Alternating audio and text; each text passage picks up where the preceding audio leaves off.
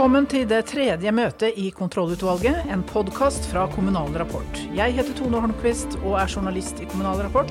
Jeg heter Jan Inge Krossli og er kommentator i Kommunal Rapport. Og i Kontrollutvalget gransker vi hver uke de viktigste og noen av de morsomste sakene i Kommune-Norge. I dag står disse sakene på dagsordenen. Bør kommunedirektøren ha en stemme i samfunnsdebatten? Vi har innkalt Gudrun Grinaker, daglig leder i Rådmannsforum, og ordfører i Fredrikstad, Jon Ivar Nygaard. Går regionreformen i oppløsning? Nå vil Senterpartiet i Sogn og Fjordane bryte ut av Vestland. Vi skal snakke med Steinar Næss, Senterparti-nestor og nå vara til Stortinget. Av våre faste gjester har vi denne gangen innkalt seniorforsker Eileen Aastvedt ved Telemarksforskning for å snakke om samskaping. Ikke samarbeid eller samhandling, altså. Eventuelt er som vanlig siste sak på dagsorden. Er dagsorden godkjent? Den er godkjent. Bør kommunedirektøren eller rådmann ha en stemme i samfunnsdebatten? Det er første sak på kontrollutvalgets dagsorden. Debatten går i Kommunal Rapports spalter, og du Jan Inge har erta på deg noen kommunedirektører i en kommentar, for du vil gi dem munnkurv, du? Ja, ikke munnkurv akkurat, men uh, etter min mening da, så er det best for lokaldemokratiet om uh, kommunedirektøren holder seg unna politisk debatt. Og da tenker jeg på egentlig all debatt som har med politiske prioriteringer av ressurser i kommunen å, gjøre.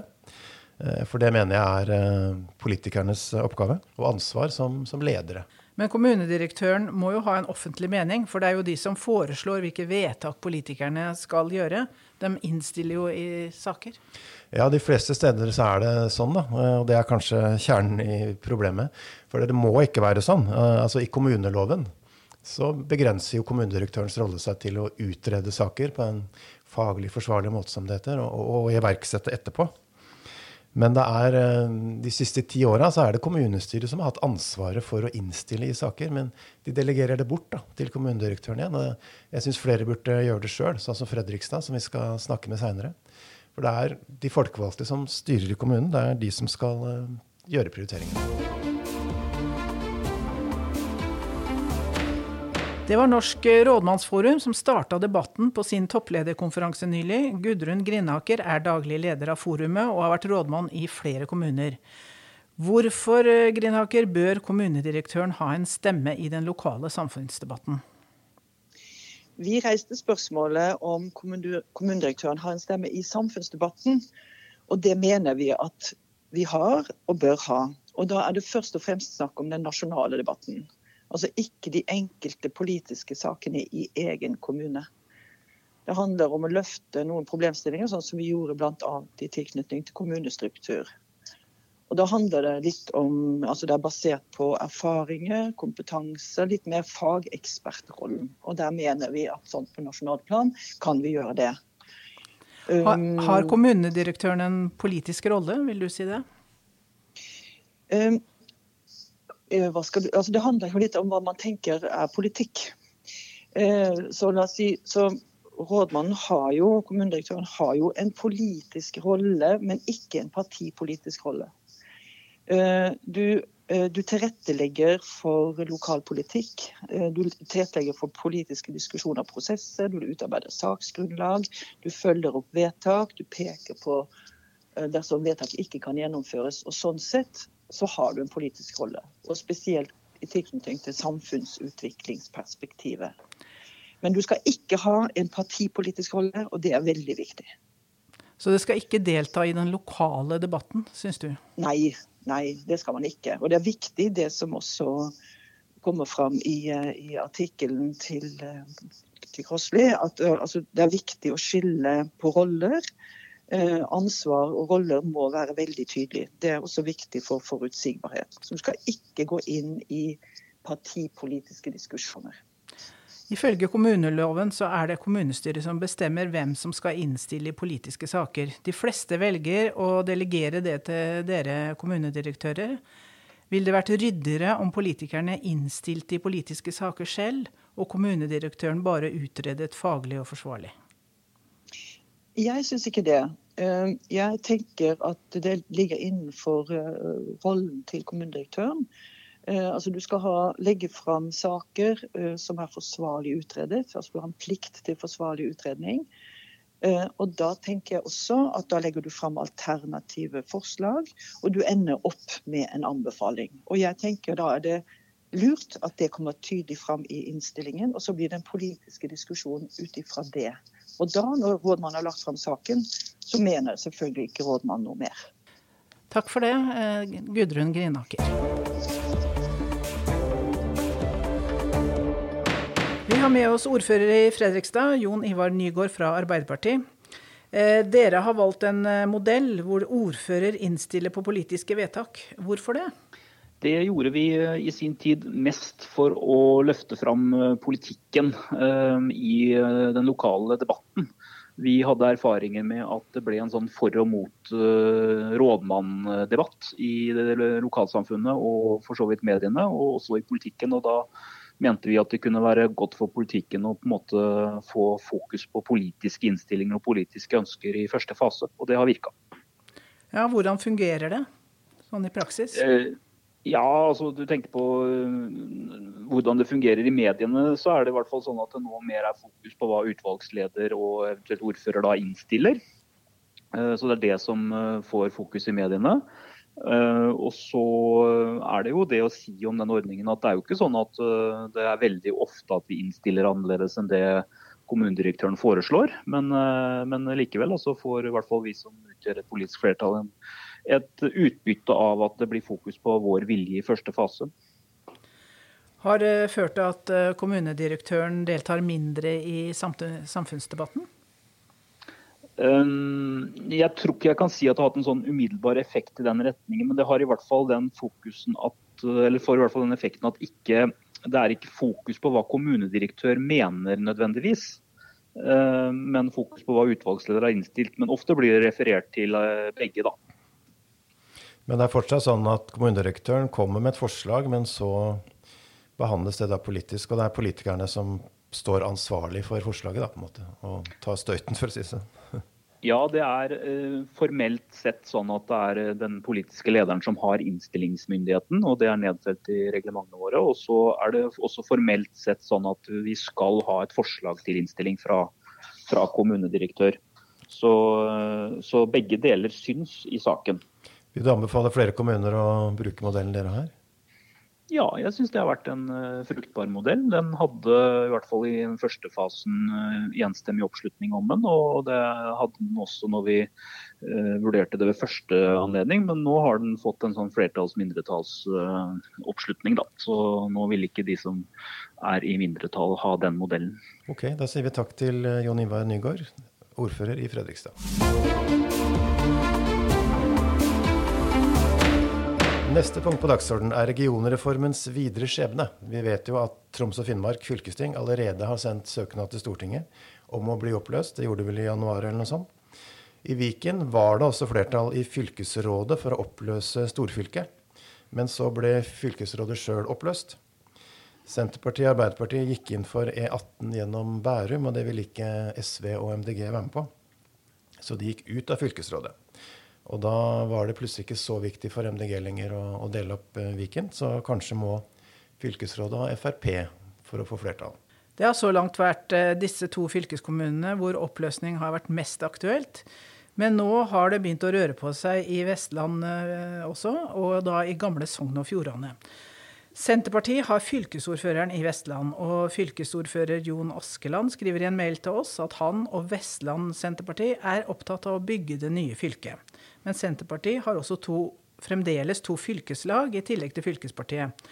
Vi har med oss eh, Steinar Næss, som er eh, nestor i Senterpartiet og har hatt mange roller eh, i partiet, og nå er han første vara til Stortinget. Ness, du vil eh, jobbe for å oppløse Vestland eh, fylkeskommune. Hvorfor det? Nei, Vi syns hele fylkessammenslåinga allerede i starten var en dårlig idé.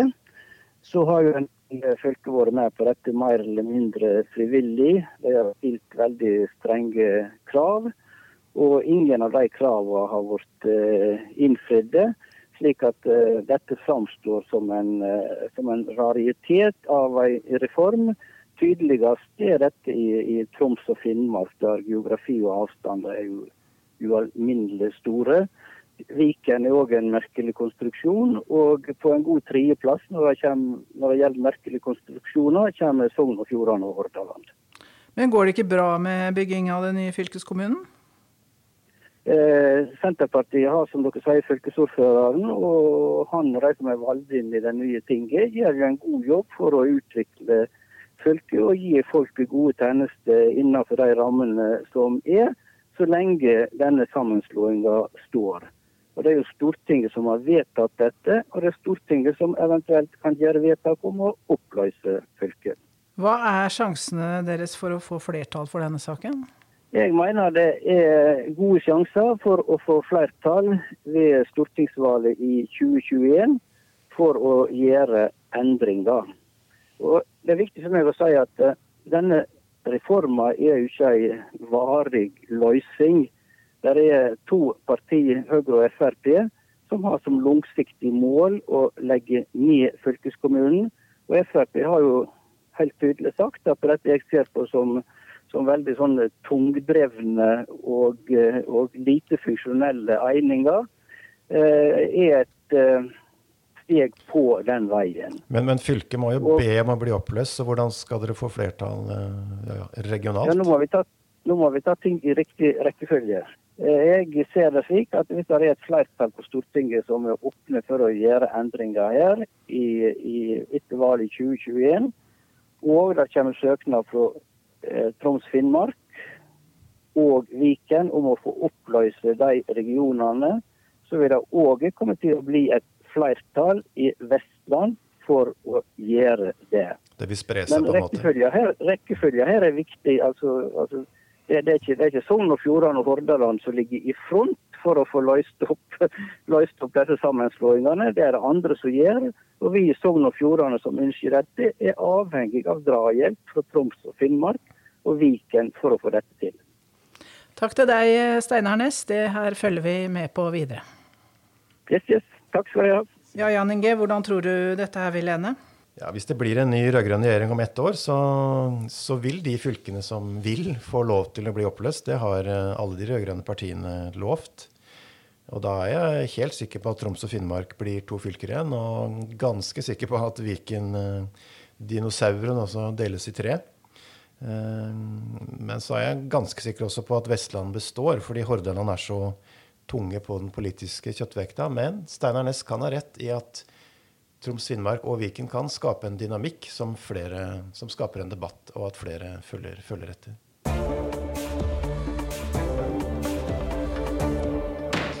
Kontrollutvalget har fire faste gjester som veksler på å delta på møtene. Vi vil ha fram eh, ulike perspektiver, og i dag har vi innkalt ekspertisen.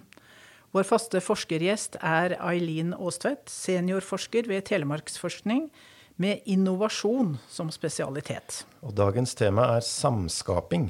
Det har kanskje mange hørt nevnt, men kanskje ikke helt fått med seg hva, hva betyr. Og Telemarksforskning er i gang med et uh, prosjekt med to nye kommuner, Stad og Nordre Follo, som har tatt mål av seg å bli de første samskapende kommunene. Kan du kort fortelle hva samskaping er, Eileen Aastvedt? Ja, det er jo når kommunen samarbeider med innbyggere og næringsliv for å få fart på utviklingen av kommunen, eller innovasjon.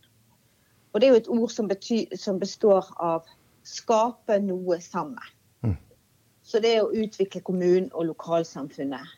De som bor der, de som arbeider der.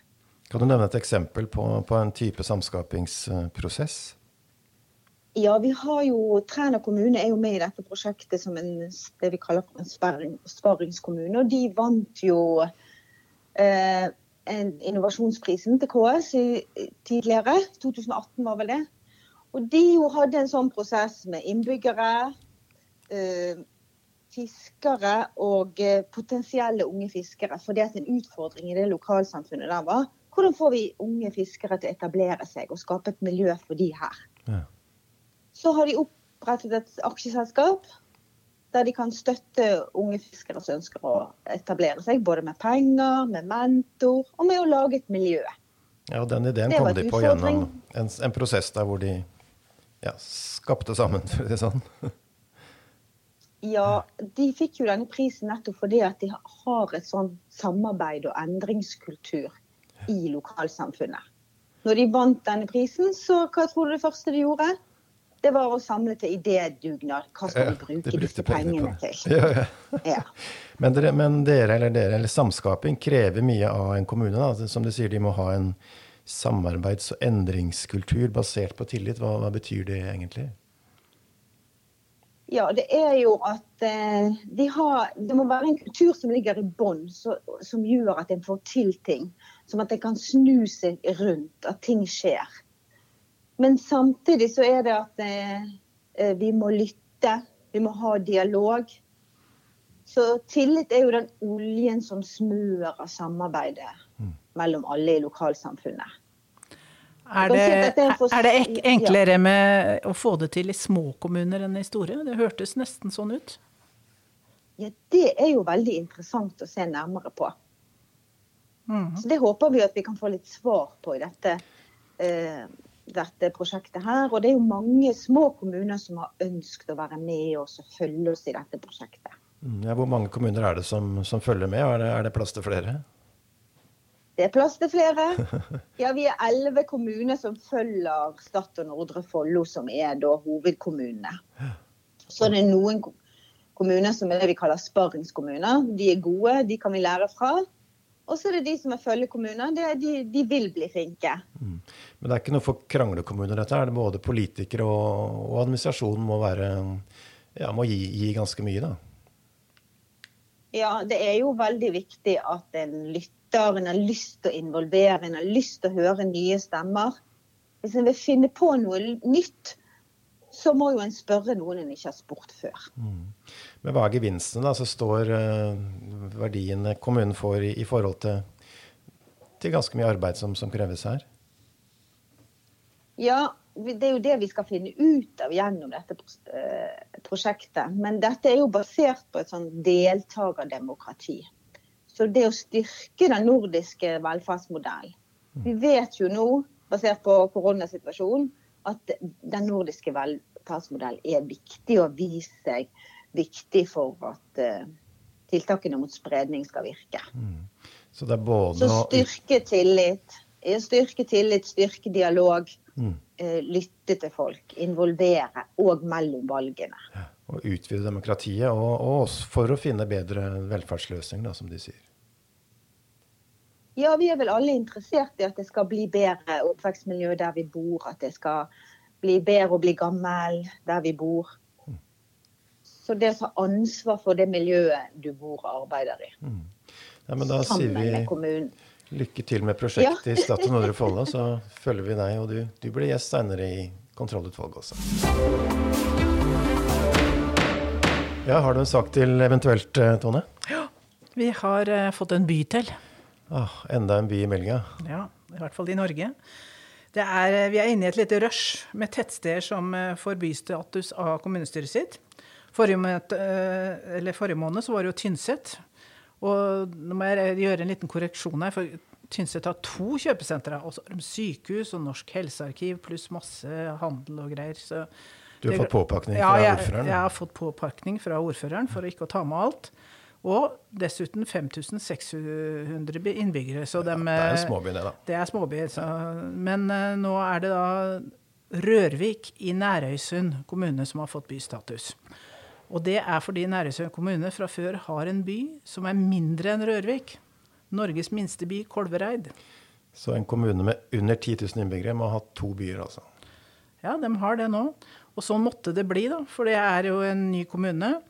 Og lille Kolvereid fikk bystatus av, i, av Nærøy kommune i 2002. Rørvik, som er et eh, større sted, og som da lå i, nave, i tidligere Vikna, hadde ikke bystatus. Og nå er da begge disse to stedene, Rørvik og Kolvereid, i samme kommune som er Nærøysund. Og da kan man jo ikke gjøre forskjell. Det, det regner jeg med du skjønner. Du kan ikke liksom gi lillebroren hele flaska med brus, og så gi storebror et glass vann. Da blir det bråk. Jeg har jo flere barn sjøl, så jeg, jeg ser den. Ja. Så da er Rørvik i Ytre Namdalen i Nordre Trøndelag by nummer 106 vi skriver med inn på lista. Men da er vi ferdig med byer, og da er møtet hevet. Kontrollutvalget er en podkast fra Kommunal Rapport. Møtet ble ledet av Tone Holmquist og Jan Inge Krossli. Og Fabulous Media og Magnus Knutsen Bjørke i Kommunal Rapport har produsert og redigert. Vingenettene er laget av Jonas Brekke Krossli.